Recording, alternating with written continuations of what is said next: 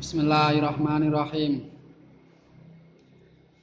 Bismillahirrahmanirrahim. Wa udda aidan faqtu ma yunafi wa niyatul qat'i minal munafi. Wa min huriddatun fa'udal qudrah. Aidan alal manwi faqdah amrah. Bismillahirrahmanirrahim. Wa udalan den wilang-wilang aidan hale maneh. Apa faqduma kasepen perkara yunafi kang nafeake apa ma ing niat? Wa niyatul qat'i utawi niat megot iku minal munafi setengah saking perkara kang nafeake niat. Wa minhulan iku setengah saking munafi riddatun utawi murtad Fa'udda mongko milang-milang sapa sira? Al-qudrata Al-qudrah Al-qudrata ing kuwasa. Al-qudrata ing kuwasa. Aidan hale maneh. Alal manwi kuwasa-kuwasa alal manwi ing ngatasé perkara kang deniyati ing atase perkara kang deniyati fafqah mongko pahamo sapa sira? Fafqah mongko pahamo sapa sira? Amrah ing perkarane almanwi. Amrah ing perkarane almanwi.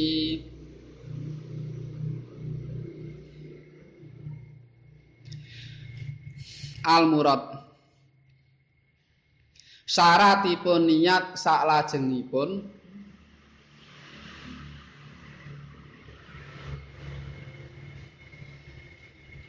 syaratipun niat saklajengipun inggih punika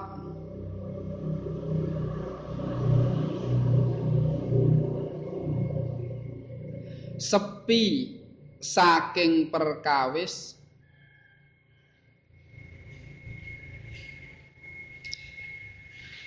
sepi saking perkawis ingkang nafeaken niat. Sepi saking perkawis ingkang nafeaken niat.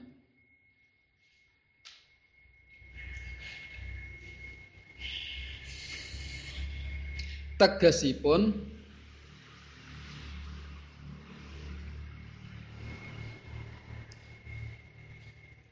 boten nglampahi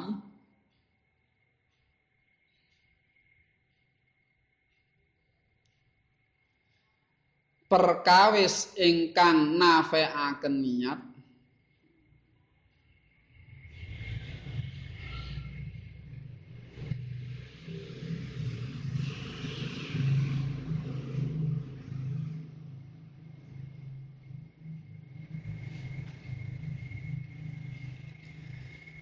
wonten tengah-tengahipun ngibadah.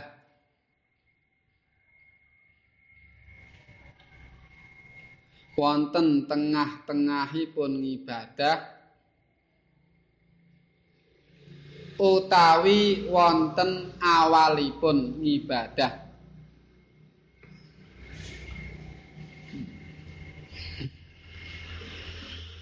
utawi wonten awalipun ngibadah.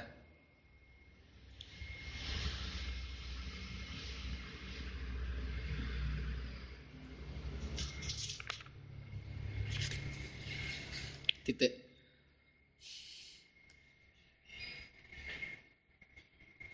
Kalebet perkawis ingkang nafeaken niat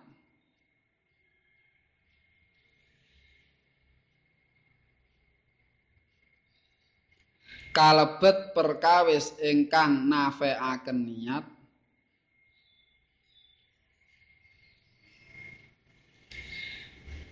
Inggih punika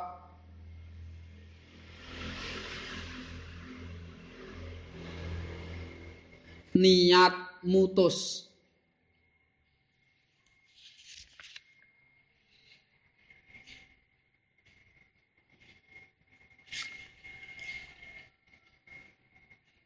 Dene contonipun.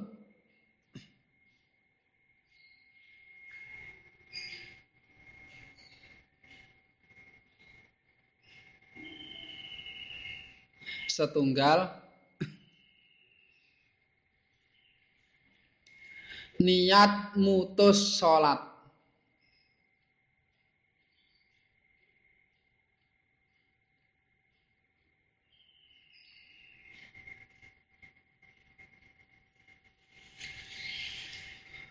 punika salatipun batal.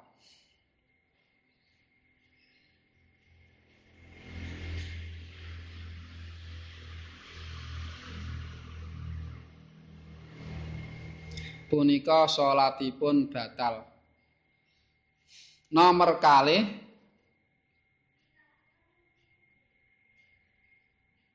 niat mutus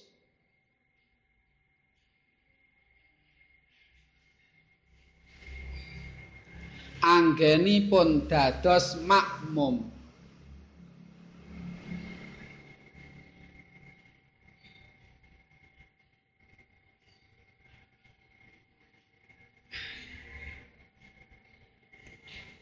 Punika niat mutus anggenipun dados makmum. Punika hukum jamaahipun batal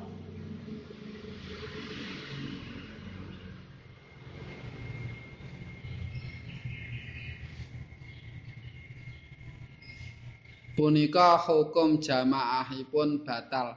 Ananging salatipun tetep sah.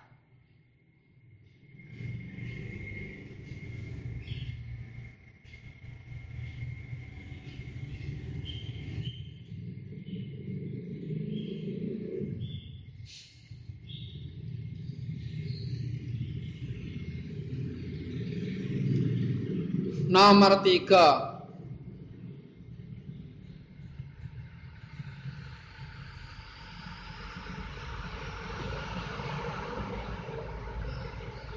niat itmam.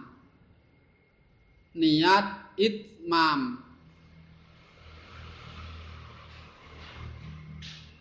Niat itmam.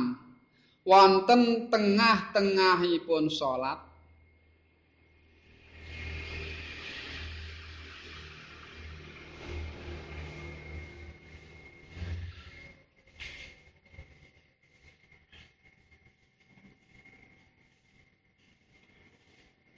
wonten tengah-tengahipun salat ingkang dipun niyati kosor.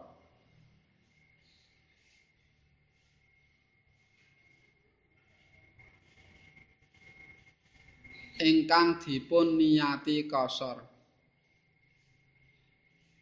Punika hukum kosoripun batal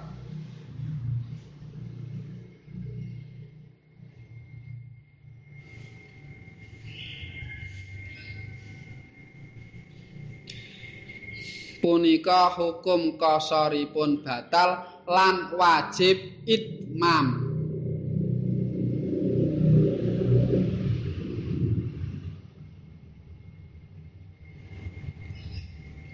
Nomor sekawan.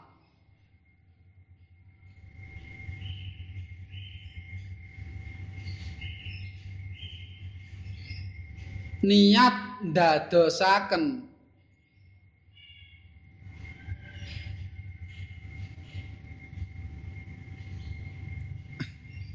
bondo tijarah.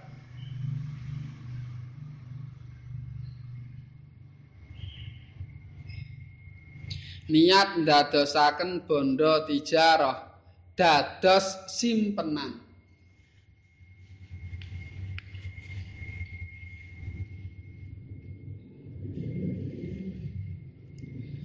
Punika haulipun tijarah putus punika haulipun tijarah putus.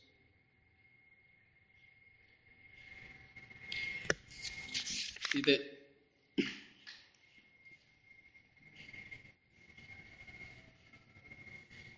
Saking hu sa uh, dipun jabakaken dipun jabakaken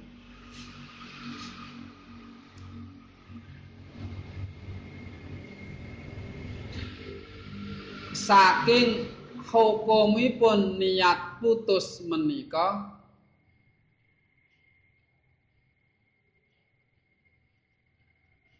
dipun jabakaken saking hukumipun niat putus menika pinten-pinten masalah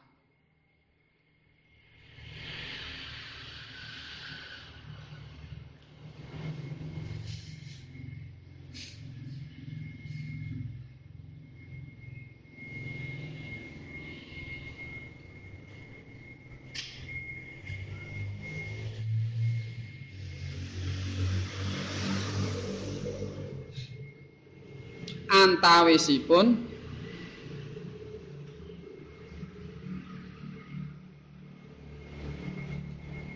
setunggal. Niat mutus. Siam.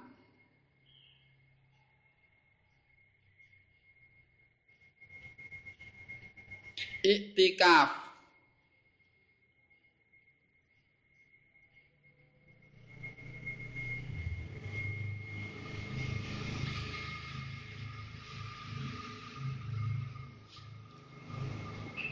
niat mutus siam iktikaf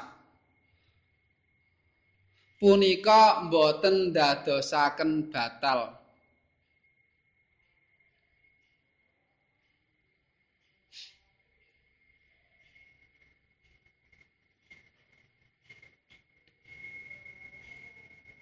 Miderek kaul asoh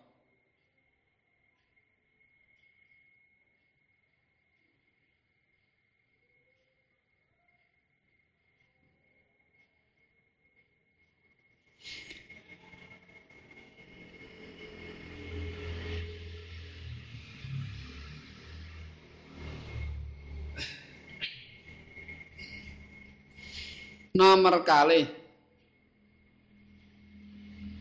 niat mutus haji utawi umroh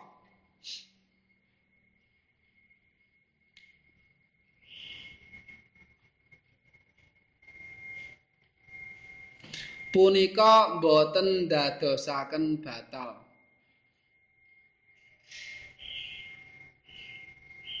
punika mboten dadosaken batal. Bila khilafin.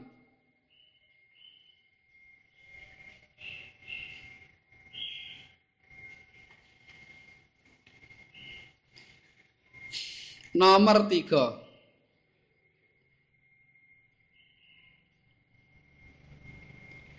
Niat mutus wudu lan siram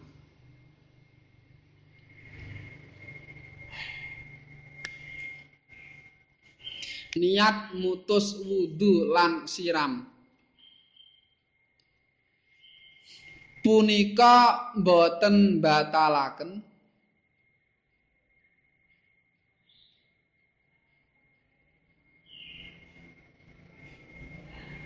Punika boten batalaken. Ingkang sampun dipun lampahi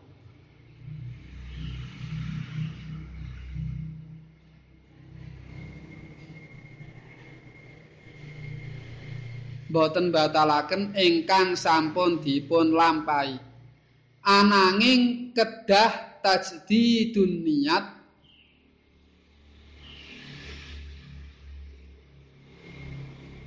ananging kedah tajdidun niat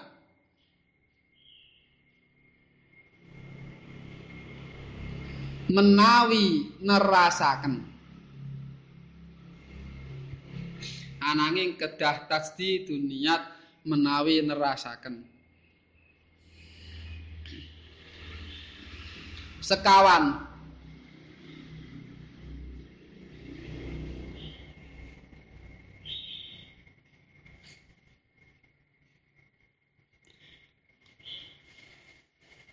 Niat badhe dahar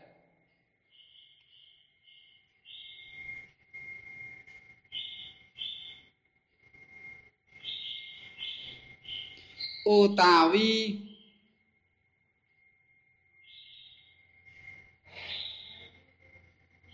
nglampahi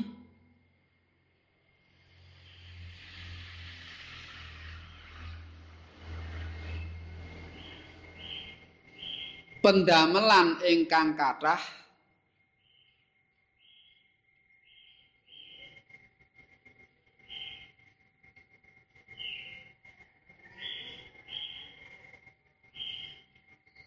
nalika tengah-tengahipun salat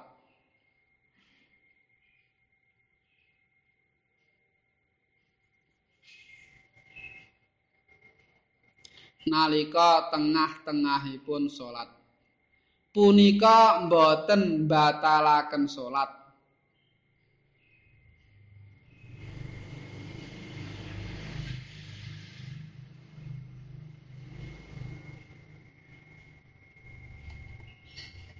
selagi boten dipun lampahi.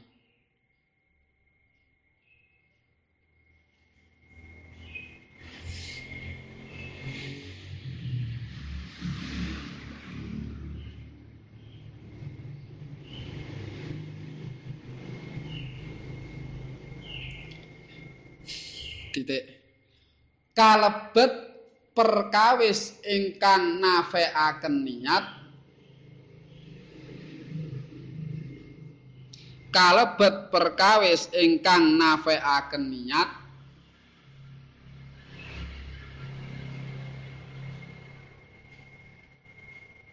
Inggih punika murtad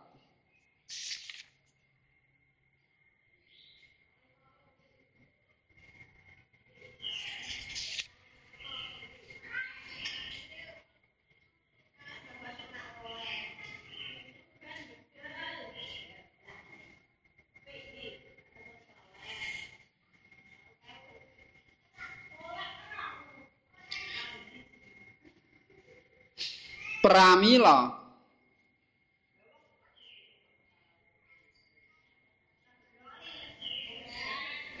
Menawi.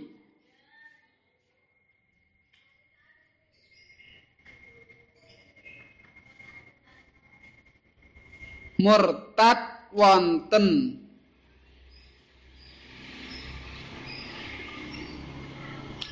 Awalipun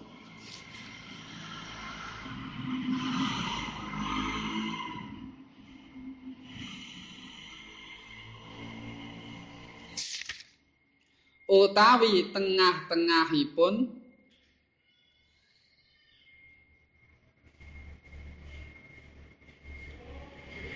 salat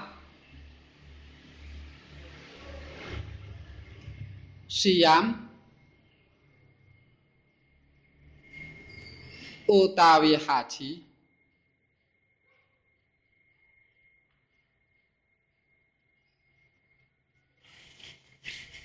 punika ndadosaken batal.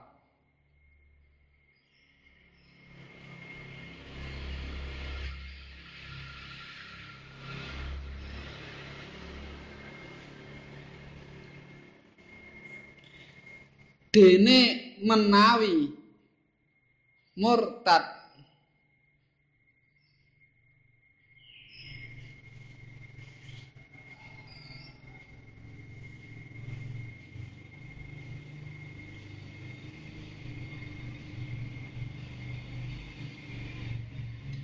wonten tengah-tengahipun wudu utawi siram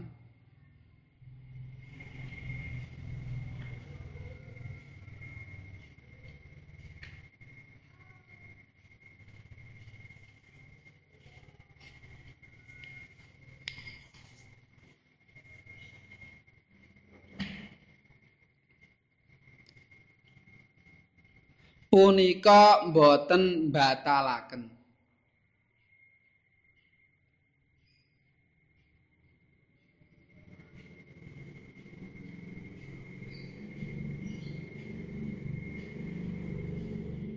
kranten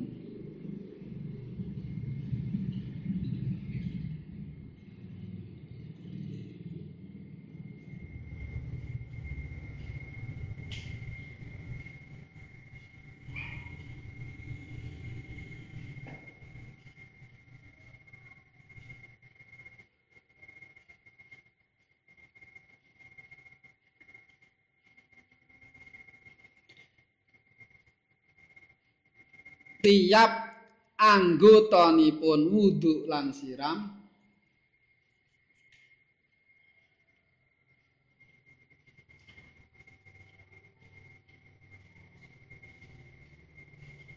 Tiap anggotanipun wudu lan siram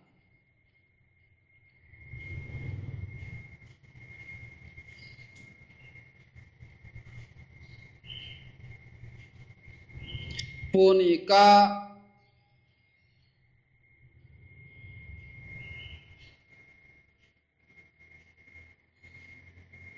dipun wasuh kiyambak-kiyambak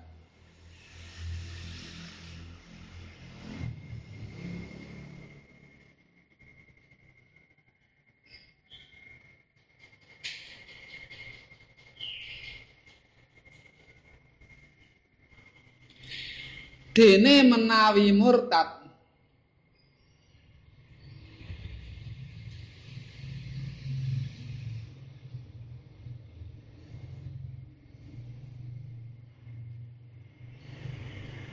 Sak sampunipun purna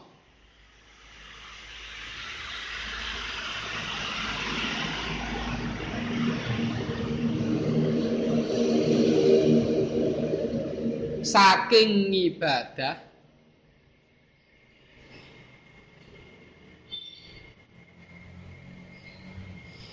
punika boten batalaken ngamalipun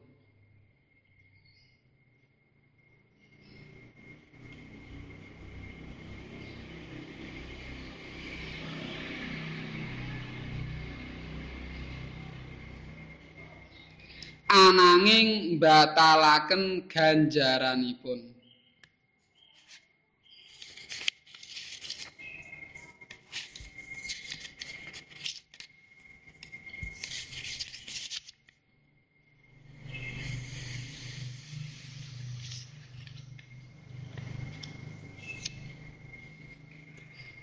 Titik qaluhu fa'uddal qudrah aidan ila akhirih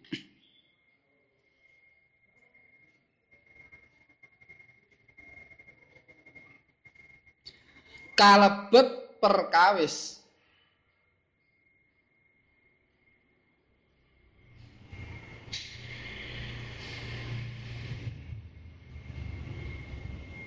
Ingkang dipun wical-wical.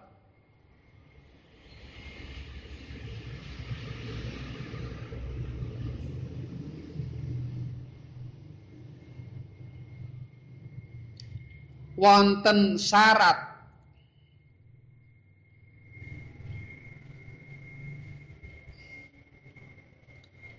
sepi saking perkawis ingkang nafekaken niat.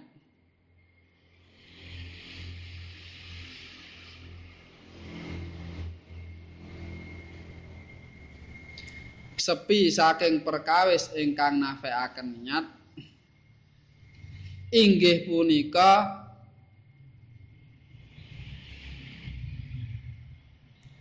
kuwaos nglampahi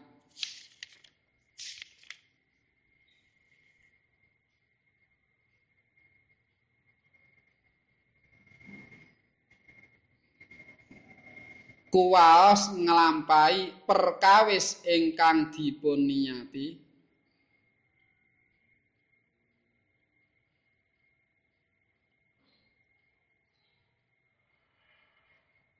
kuwaos nglampahi perkawis ingkang dipun niyati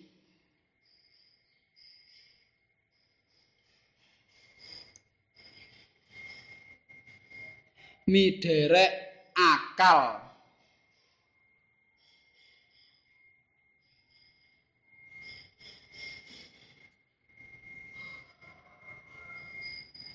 syarak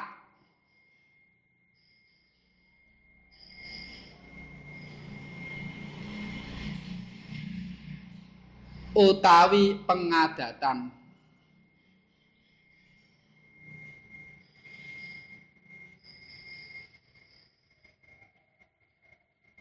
Titik. Ingkang miderek akal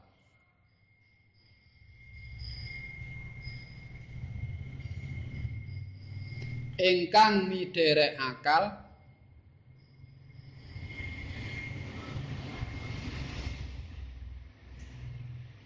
kados tiyang nglampahi wudu.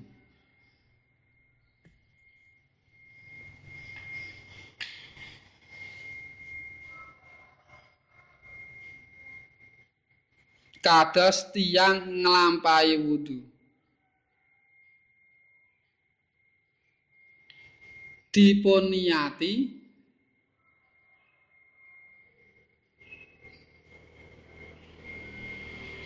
kangge nglampahi salat.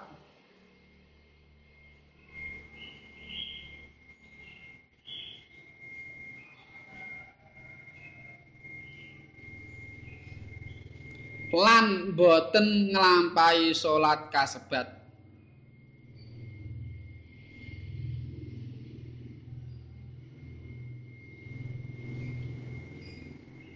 lan boten nglampahi salat kasebat. Punika wudunipun boten sah.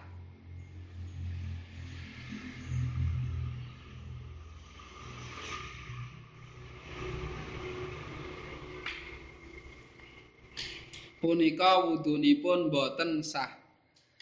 Kranten boten mungkin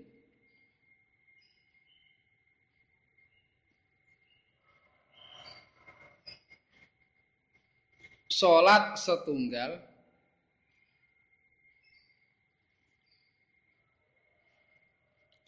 Dipun lampahi.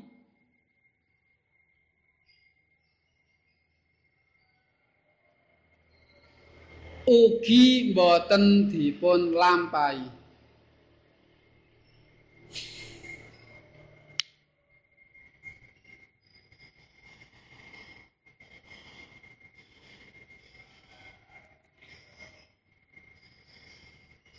titik. Ingkang midherek syarak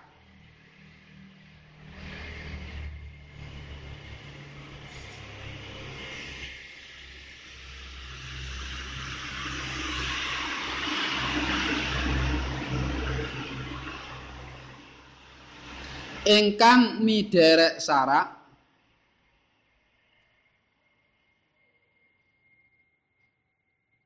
kados tiyang ingkang wudu.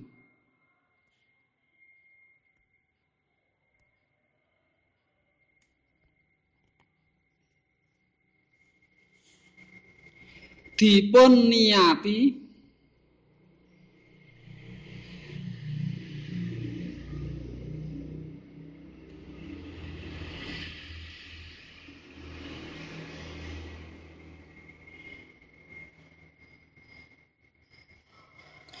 kangge salat.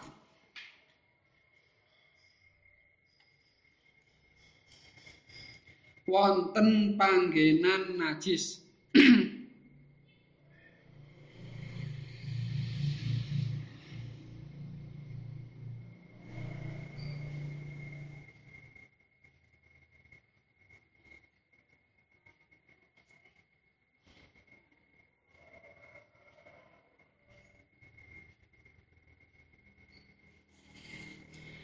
ingkang eh, eh, wonten panggenan najis ya. punika wudunipun boten sah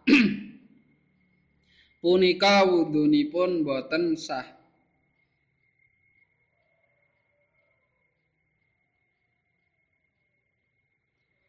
ingkang miderek pengadatan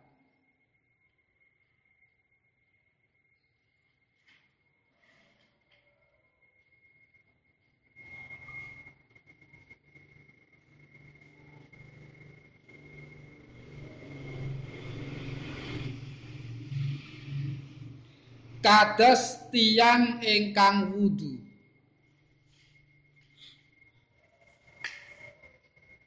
Kados tiyang ingkang wudu. Wonten wulan rejeb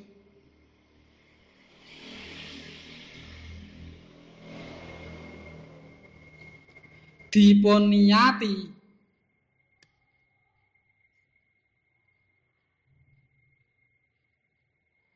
dipuniati kangge salat Idul Fitri.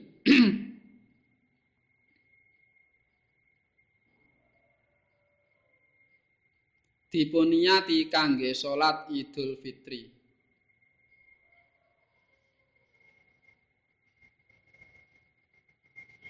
Punika hukum sah wudunipun khilaf. Punika hukum sah wudunipun khilaf. Walalam.